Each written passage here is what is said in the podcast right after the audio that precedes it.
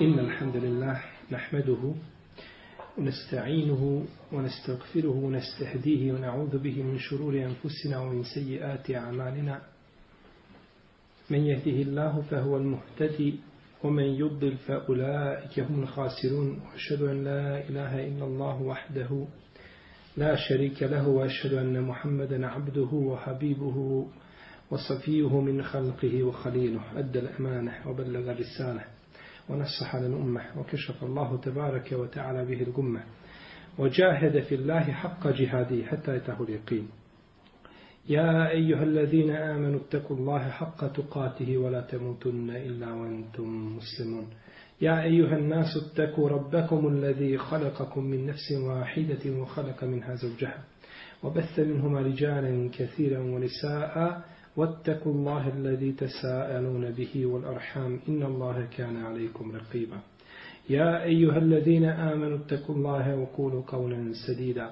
يصلح لكم أعمالكم ويغفر لكم ذنوبكم ومن يطع الله ورسوله فقد فاز فوزا عظيما. أما بعد فإن أصدق الكلام كلام الله تعالى وخير الهدي هدي محمد صلى الله عليه وسلم وشر الأمور محدثاتها وكل محدثة بدعة. وكل بدعة ضلالة وكل ضلالة في النار أما بعد سلام نريد uz Allahu tebarake wa ta'ala pomoć 45. hadis od hadisa Umdetul Ahkama kome stoji Anaišeta radijallahu anha qalet كان رسول الله صلى الله عليه وسلم يصلي الفجر فتشهد معه نساء من المؤمنات متلفيات بمروطهن ثم يرجعن إلى بيوتهن ما يعرفهن أحد من الغلس ودائشة رضي الله تعالى عنها سپرنوsi da je kazala Klanjao bi poslanik sallallahu alaihi wasallame sabah namaz. Sa njim bi klanjale i žene mukminke umotane u svoje murute. Potom bi se vraćale svojim kućama, a niko ih ne bi poznavao od dame. El murut u arapskom jeziku je odjeća od vune. Klanjao bi poslanik sallallahu alejhi ve selleme sabah namaz. Ovo nam ukazuje na šta? Na da se taj čin ponavljao. Da je to poslanik sallallahu alejhi ve selleme činio kontinuirano. Ha, klanjao je. Znači, dešavalo se tako poslaniku sallallahu alejhi ve selleme nije jedan put, nego je to znači bila njegova praksa. Od običaja poslanika sallallahu alejhi ve selleme je bio da u ovo vrijeme klanja sabah namaz. U vrijeme znači kad još ima tame. Ne bi sačkao znači da se rasvane potpuno, nego bi klanjao znači za vrijeme kada ima tame. Znači nakon nastupa, jasnog nastupa zore, počeo bi sa klanjanjem sabaha i bilo bi još tame. Jedan put je samo poslanik sallallahu alaihi wasallam klanjao sabah namaz kad se rasvanulo. Samo jedan put, kako je došlo u hadisu kod Ebu Davuda, od Ebu Mes'uda, Al-Ansarija, kaže, klanjao je poslanik sallallahu alejhi ve selleme jedan put sabah dok je još bila tama. Potom je klanjao drugi put kada se je dobro rasvanulo. Potom je poslanik sallallahu alejhi ve klanjao do kraja svoga života dok je bila tama i nije se više vraćao onome drugom postupku. To jeste da klanja kada se rasvane. Tako je došlo u hadisu koga vjerodostojnim smatra Hakim i Zehebi kaže šeheh Albani da je ovaj hadis dobar. Pa nam je ovaj hadis napravio znači jasnu granicu kako je poslanik sallallahu alejhi ve sellem klanjao sabah namazi u koje vrijeme? Molim? Nastup zore do izlaska sunca, to je namaz. Jeste. Ali nam ovo pojašnjava nam hadis kada je poslanik sallallahu alejhi ve sellem klanjao sabah namaz. Znači u koje vrijeme? Nisa u arapskom znači šta? Žene. To je, znači, poznata sura El Nisa i vidim da ste tu mašala ovaj svi jako aktivni da poznajete te riječi. Sura, jedna u Kur'anu i vjerojatno zbog nje znate tu riječ, ja ne sumnjam nimam da zbog, znači sure, budući da je često učite, znate tu riječ. En Nisa znači žene. Ali ta riječ u arapskom nema jednine. Nema jednine. Kad hoš kazati jedninu, onda se kaže imra'atun. imra. A množina je nisa. I u Kur'anu, uopće u arapskom jeziku ima dosta takvih primjera. Znači riječ koja je samo vezana za množinu. Riječi minel mu'minat, nisaun minel mu'minat, žene od vjernika. Zbog čega je ovo spomenula Ajša, žene od vjernika? Pa jasno je ko dolazi u džamiju. Zašto je spomenuo? Zar ovo nije dodatak u hadisu koji nije morao, nije bio nužan. Može reći nisaun ili mu'minat, da samo rekla vjernice, ide da, što je morala reći žena od vjernika. Kažu komentatori da je spomenuto ovdje el mu'minat, da bi izdvojila jedne od dvije stvari. Ili da bi izdvojila monafike, one licemjerke, žene, ili nevjernice. Koje je preče od ovo dvoje da se uzme? Licemjerke. Zato što kafir kako ne dolaze u džamiju. Nego dolaze, licemjerke dolaze kao i licemjeri dolaze u džamiju. Pa da bi se izdvojilo, znači da nije poznate su znači žene vjernice koje dokazale svoj iman i, i nema sumnje da nisu od, od, od skupe munafika koje su dolazile, znači klanjala sa poslanikom sallallahu sallam sabah namaz. Mutelefiat, mutelefiatin koje su bile umotane. To se kaže u arapskom reltifa je kada umota žena tijelo svoje i glavu. Kada glavu umota, e onda biva šta? Mutelefiat. Tako se zove, onda bio i one, jel mutelefiat. El gales, što je spomenuto u hadisu, salli bil gales, klanjao je, dok je tame bilo, to je ono vrijeme u stvari pred samo a, rasvitanje. Zora je nastupila, ali ima znači rasvitanje, da se ovaj razbije ona noćna tama, to je vrijeme koje je ciljano hadisom. Znači, nakon nastupa zore, dok još uvijek ima tame, tada je poslanik sa osvajame, znači, počinjao sa namazom. A imate u arapskom i el gabeš, el gabeš, to je isto taj, taj prelazni neki period samo sa početka dana. Kada pada šta? Akšan, kada pada noć, zove se el gabeš, jest sumrak, a ovo je znači u pred, pred ono rasvitanje ne mislim pred nastup zore jer zora je već nastupila pred rasvitanje to se zove El Gales. Kaže imame Daudi u hadisu je došla la ja'rifuhunne ili ma ja'rifuhunne ahadun min El Gales. Ne poznaje ih niko. Kaže došlo je ovdje u hadisu ne poznaje niko to i ne može i razlikovati niko jesu li muškarci ili žene. Vidi da se nešto kreće ali ne znaju šta. Ko su i šta su. Drugi kažu, ne poznaje ih niko po likovima njihovim od noćne tame. Znači uvijek je takva tama da ih niko ne može šta poznati po likovima njihovim kad hodaju. Iako je, imam neovi odbio ovo tumačenje, kaže žene, čije su glave umotane, ne mogu se poznati po danu. A kako će se poznati? Po noći. Kaže imam El Bađi, ovaj nam hadis ukazuje, da su žene u to vrijeme imale otkrivena lica. Ne može ih niko poznati od čega. Nije rekao od, od nikaba, nego od dame noći. Može li se ovako hadis razumijeti? Može. Kako neće moći? Može se hadis svako razumijeti, znači da su žene bile otkriveni lica i da ih niko ne mogu poznati tame. No međutim, ispravno je da ga ne treba tako razumijevati. Prvo, je li ovo moglo biti prije spuštanja objave o hijabu? Jeste. Hidžab je shodno razilaženju u Leme objavljen između četvrte i sedme hidžarske godine. Shodno razilaženju. Moglo je biti prije čega? Prije naredbe o hijabu. Kada bismo kazali ili da je obavezno. Ili da kažemo da su žene hodale otkriveni lica. Zašto? Zato što su bile ubjeđene da ih niko ne može poznati šta? Od dame. Kada bi žena išla ovaj putem ili hodala preko livada po noći, nema nikoga i ti siguran da nema nikoga, može li žena tu otkriti lice? Može slobodno. Može slobodno otkriti lice. Kad bi skila i maramu, a ubijeđena da nema nikoga, ne bila griješna. Jer je cilj da je niko ne vidi, zbog toga je stavila šta? Hijab i zbog čega drugoga. Tako da znači ovdje ako su skinule žene, ako su, kada bi razumeli da su otkrile lica, to ne bi nikako značilo da je propis bio otkrivanja lica. Nego sam do žene otkrile lica zato što su bile ubijeđene da ih niko ne može vidjeti od tame. I zato što svi ljudi bili u džamiji i ostajali drugi u džamiji, a žene su izlazile prije ljudi i bile su ubijeđene znači da nema nikoga. I to su ljudi poznali, muškarci su to poznavali, tako su postupali. Bilo vrijeme poslanika sa osreme, zabranjeno je bilo ženama da dižu glave sa sežde prije muškaraca. Kako došlo od Isma. Allahov poslanik sa osreme zabranio da žene dižu glave koje su klanjali za muškaraca prije muškaraca. Jer ako digne glavu, ljudi su bili u odjećama, može se otkriti nešto od stidnog mjesta, pa da padne znači oko tamo gdje je zabranjeno da pogleda. Pa je zbog toga zabranjeno da dižu svoje glave prije toga. A isto tako je muškarcima, poslanik sam rekao, sačekajte u džami dok žene ne iziđu.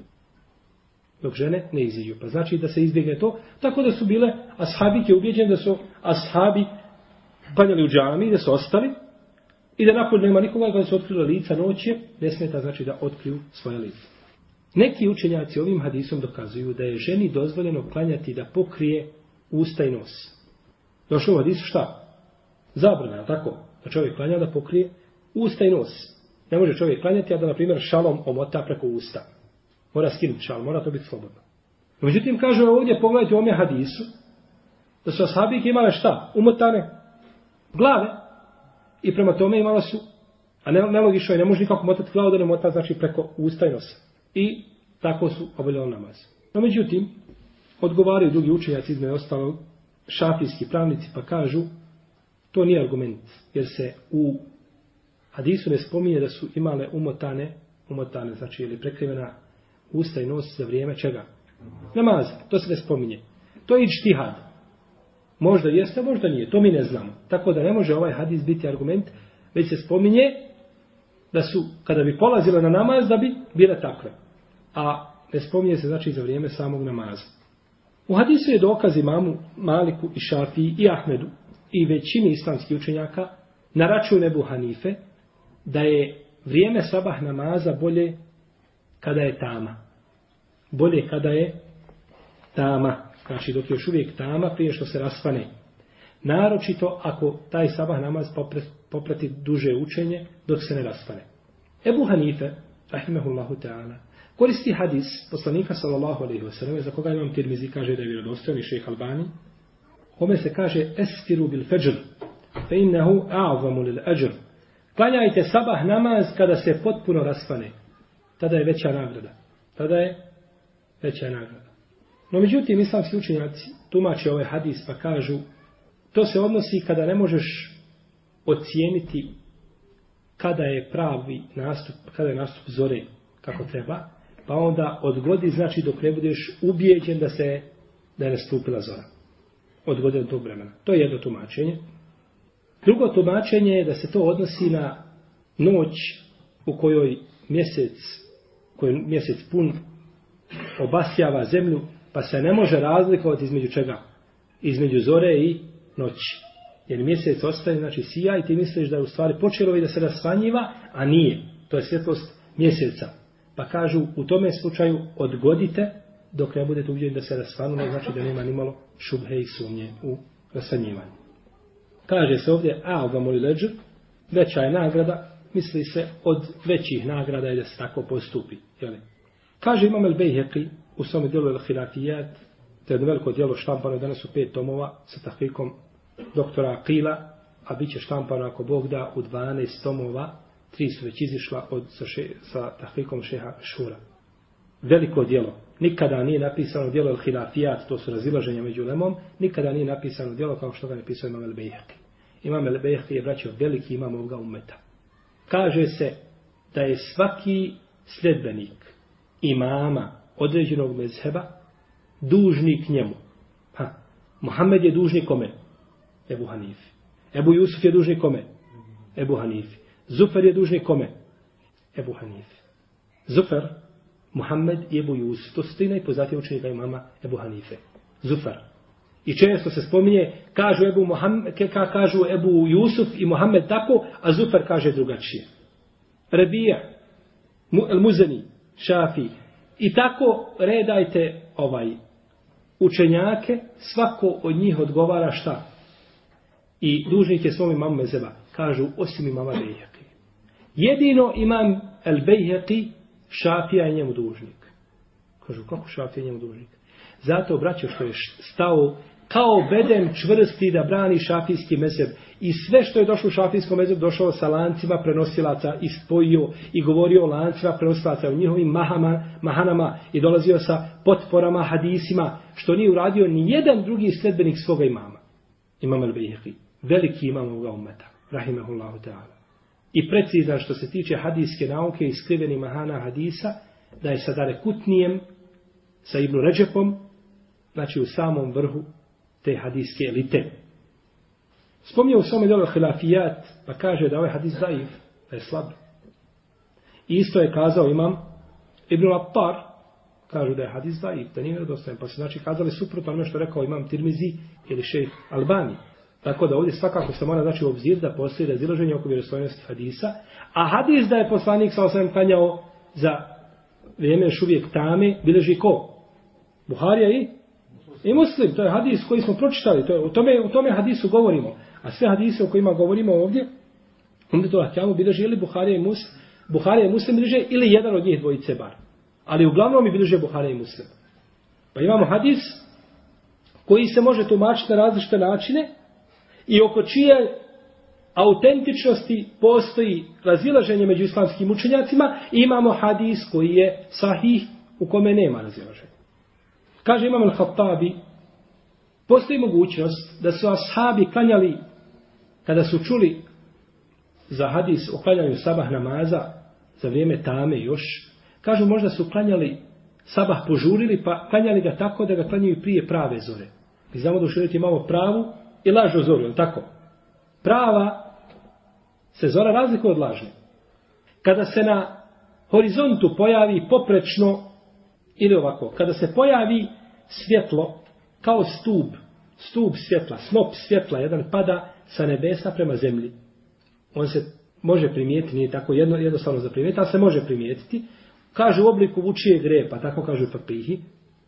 To je lažna zora. To svjetlo padne nekih 20 minuta i nestane. I opet nastane tama. Opet neki 15 minuta je tama, nema ništa. I tek onda dolazi zora prava koja se pojavi u obliku svjetla koje ide poprečno, vodoravno i koje obasjava brda. I pogledate, pogledate ovako u brdo, vidite da su sva brda ovako obasjana s te strane. A S te strane izlazi sunce i ne obasjava jedan dio poput vučije grijepa da pada taj slop svjetlosti, nego je znači obasjan cijeli horizont s te strane. E, to je nastup prave zore.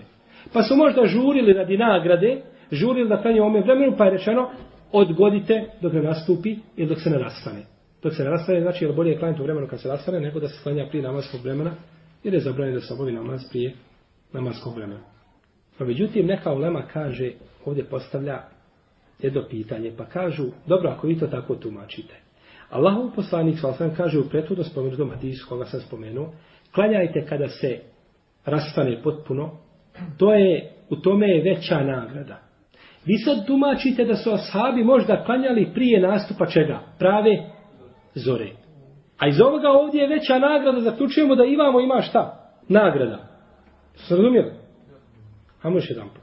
Nema U hadisu je došlo, klanjajte kada se dobro raspane, tu je veća nagrada. A mi kažemo da su ashabi klanjali, postoji mogućnost da su klanjali, znači sabah namaz, prije nastupa prave zore. A iz ovoga hadisa tu je veća nagrada, zaključujemo da i prije zore ima šta nekakva nagrada, samo da je ovdje veća. Kažu, kako možete to govoriti? Hoće da time ima svoje mjesto, pobiju šta? Ovo, ovo tumačenje hadisa.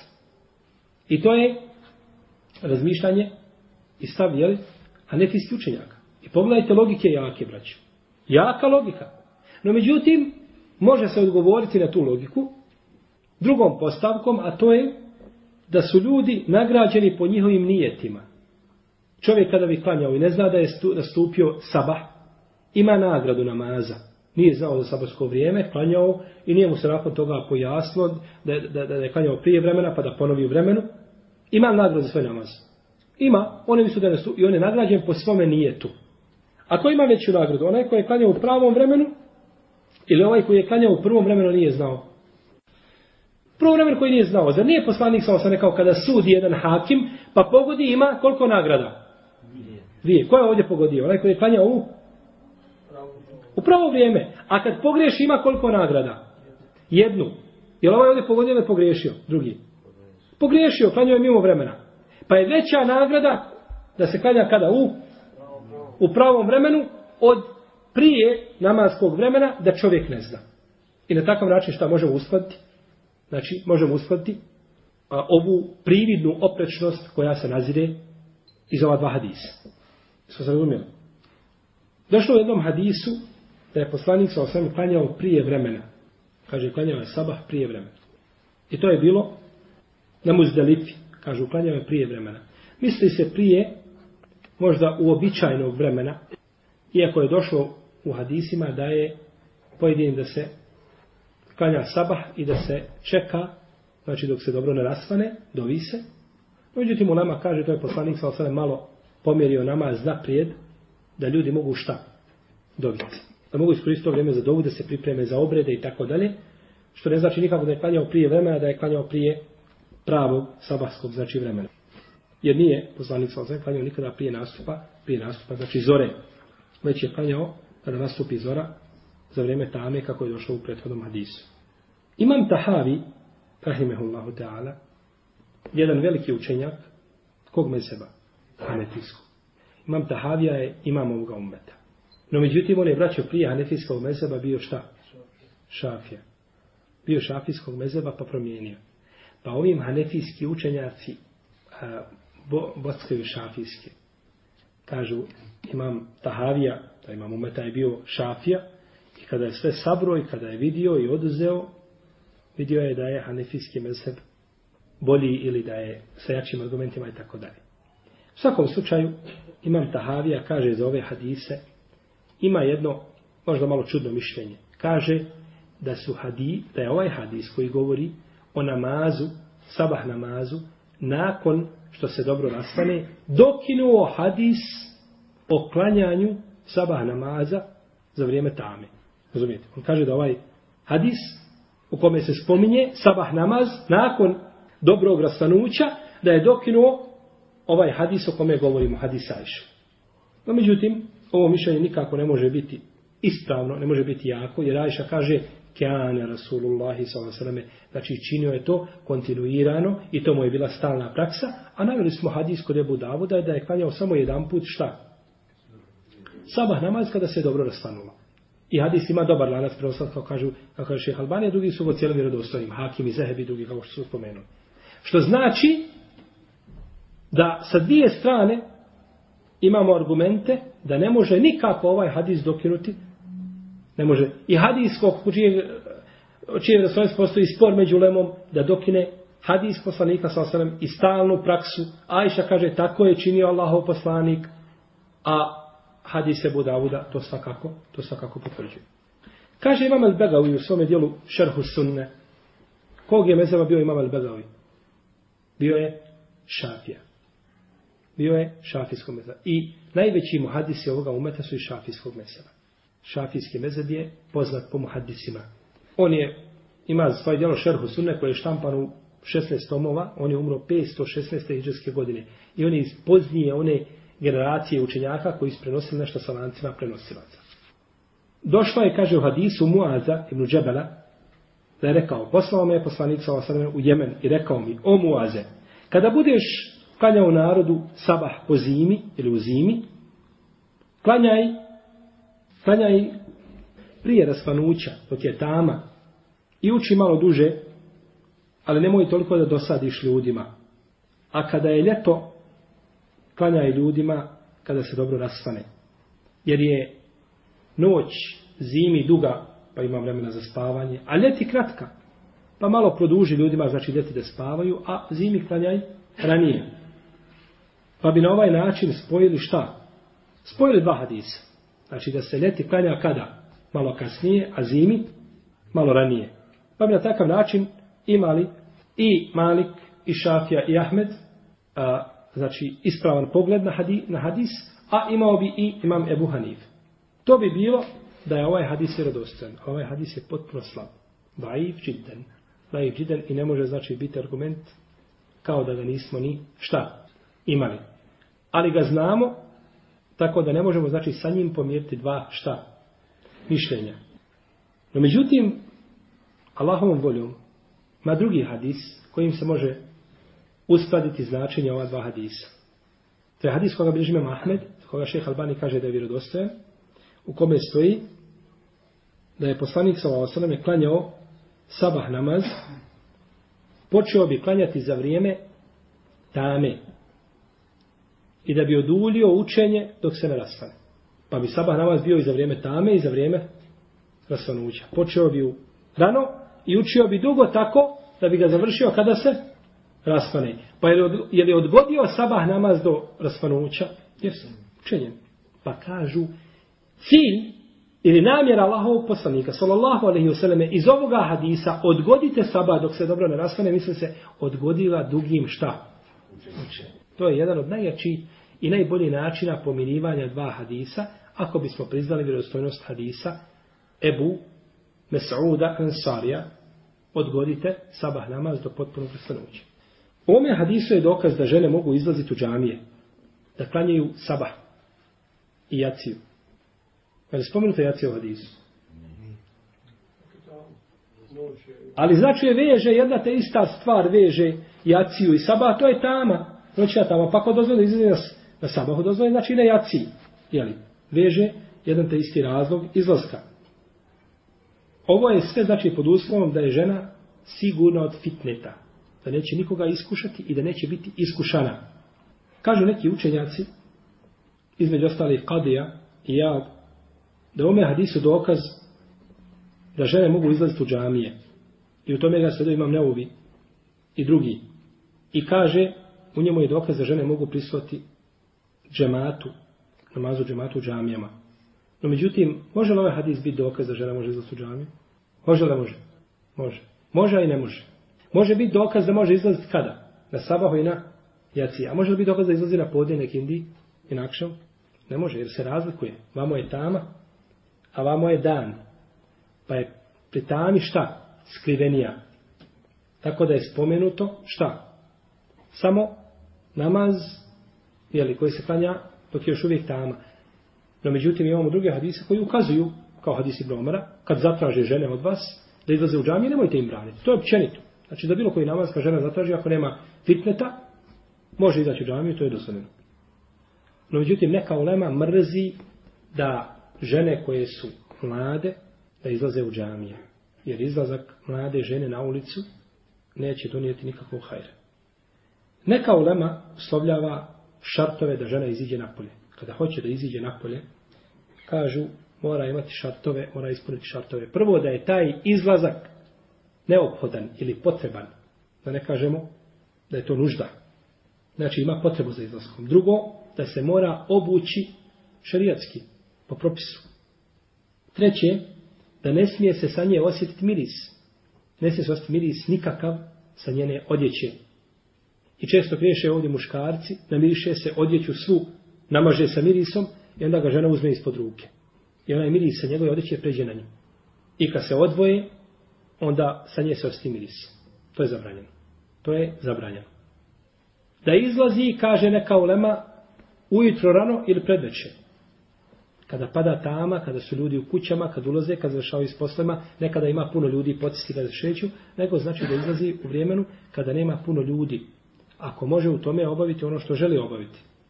I kada hoda, da hoda sa jednom, sa jednim od dva kraja puta.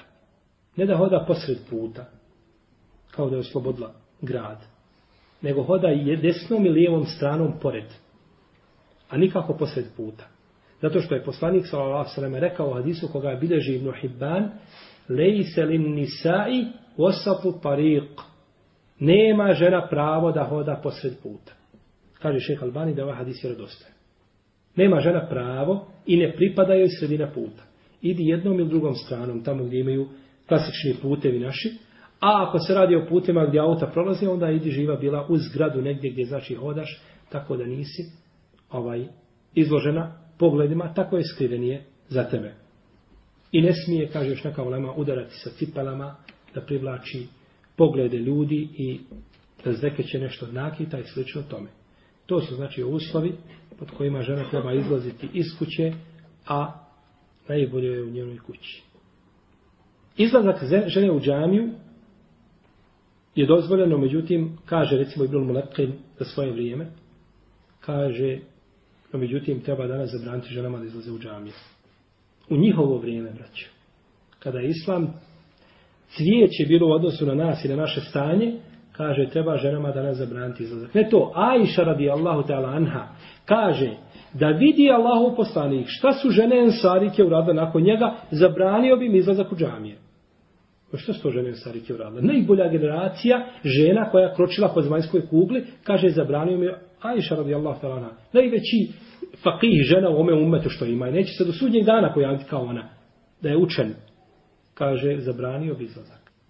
Kaže Ibn Molepkin, u našem vremenu nikako. Pa šta, šta mi onda da kažemo za naše vrijeme i za stanje u kome se nalazimo? No, međutim, ostaje da je ženama dozvoljeno da izlaze u džamije, zato što je poslanik sa osanama rekao, kada žene zatraže izlazak, nemojte im braniti. Ali ostaje onaj drugi dio koga mnoge zaboravljaju, a to je, a njihove kuće su im bolje. A njihove kuće su im bolje. Kaže, Ibn Muletka treba treba zabraniti izlazak, osim ako žena radi, mora izlaziti, znači nema izbora, ili ako je učena pa ide poučavati nekoga, učiteljica u školi, tako dalje, da nam ne bi ovaj žensku djecu poučavali učitelji, mora biti žena da ih poučava i sl. tome, onda može izići. Došao u Sahihu ibn Hibbana, u predaji koja ima vjerodostajan lanac prenosilaca, da je poslanik s.a.v. rekao al mar'atu aura. Žena je avret. Žena je sva avret. To jeste, žena je sva stidna i žena se treba sva pokriti. Jer je stidno ono što se treba pokriti. El mar'atu aure. Žena je auret. Kada iziđe, ovlada njome šeitan. I pogledajte na kraju što kaže poslanik sa na kraju ovoga hadisa. Poslušajte, možda ga niste prije čuli. A najbliže, kada žena, ili najbliža žena biva svome gospodaru, kada se nalazi u svojoj kući. Najbliža biva svome gospodaru, kada je smještena u utrobi svoje kuće. Znači kad nije dostupna i izložena ljudskim pogledima. Tada je najbliža svome gospodaru, kako kaže poslanik, sallallahu alaihi wa alaihi wa sallam. No međutim, neka niko ne zaključi iz ovoga da je ženi zabranjeno da iziđe iz kuće. Ne. Kada ima potrebu, može izaći. Kaže imam El Bađi, Kadija, poznati učenjak malikijskog mezheba, u ome hadisu je dokaz da žene izlaze iz džamije prije muškaraca. Prije muškaraca, dok je još uvijek tama, jer dok izišli muškarci, dok su se izredali, se obuju i tako dalje, već se šta, više rasvanulo, pa bi žene zakasnile u tome slučaju. Pa kaže, žene izlaze prije muškaraca iz džamije, i ovo je lijepo zaključivanje iz hadisa. Iako imamo drugi hadisa koji jasnije ukazuju na ovo, i kaže da odlaze, pazite ovo, da odlaze kućama i da znači pripremaju domove za povratak muškaraca sa namaza. Jer čovjek se vraća sa namaza, doručak, kahva, da ljudi idu da rade jeli, ovaj, svoje one, dnevne poslove, pa se vraćaju kući, djeca i tako dalje, već šta ima, pa izlazi znači iz džamije prije muškarca.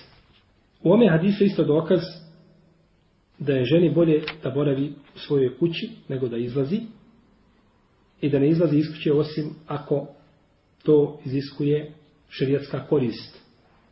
I dok završi posao koga ima da se vrati opet u svoju kuću. To je najbolje.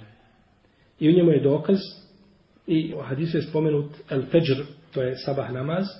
I sabah namaz ima i druga imena koja ćemo spomenuti kada budemo govorili o četvrtom hadisu, a ovo je drugi hadis u ovome poglavlju, pa ćemo spomenuti neka druga a, a, imena sabah namaza, znači koja se koriste u šerijatu. Ovo bilo ukratko o hadisu Ajše radijallahu ta'ala anha, koji je, iako kratak po svojom sadržaju, u istinu velik po svojim porukama i o propisima koji se vežu za njega kada bi detaljno pričali, moglo bi se dugo pričati, no međutim, ove kratke naznake, ili ovim kratkim naznakama mislim da smo objedinili ili obuhvatili a, osnove a, propisa koje bi čovjek trebao znati kad se radi o ovoj hadisu. Allahu ta'ala alam. Wa sallallahu ala nabina Muhammed wa ala alihi wa sallam.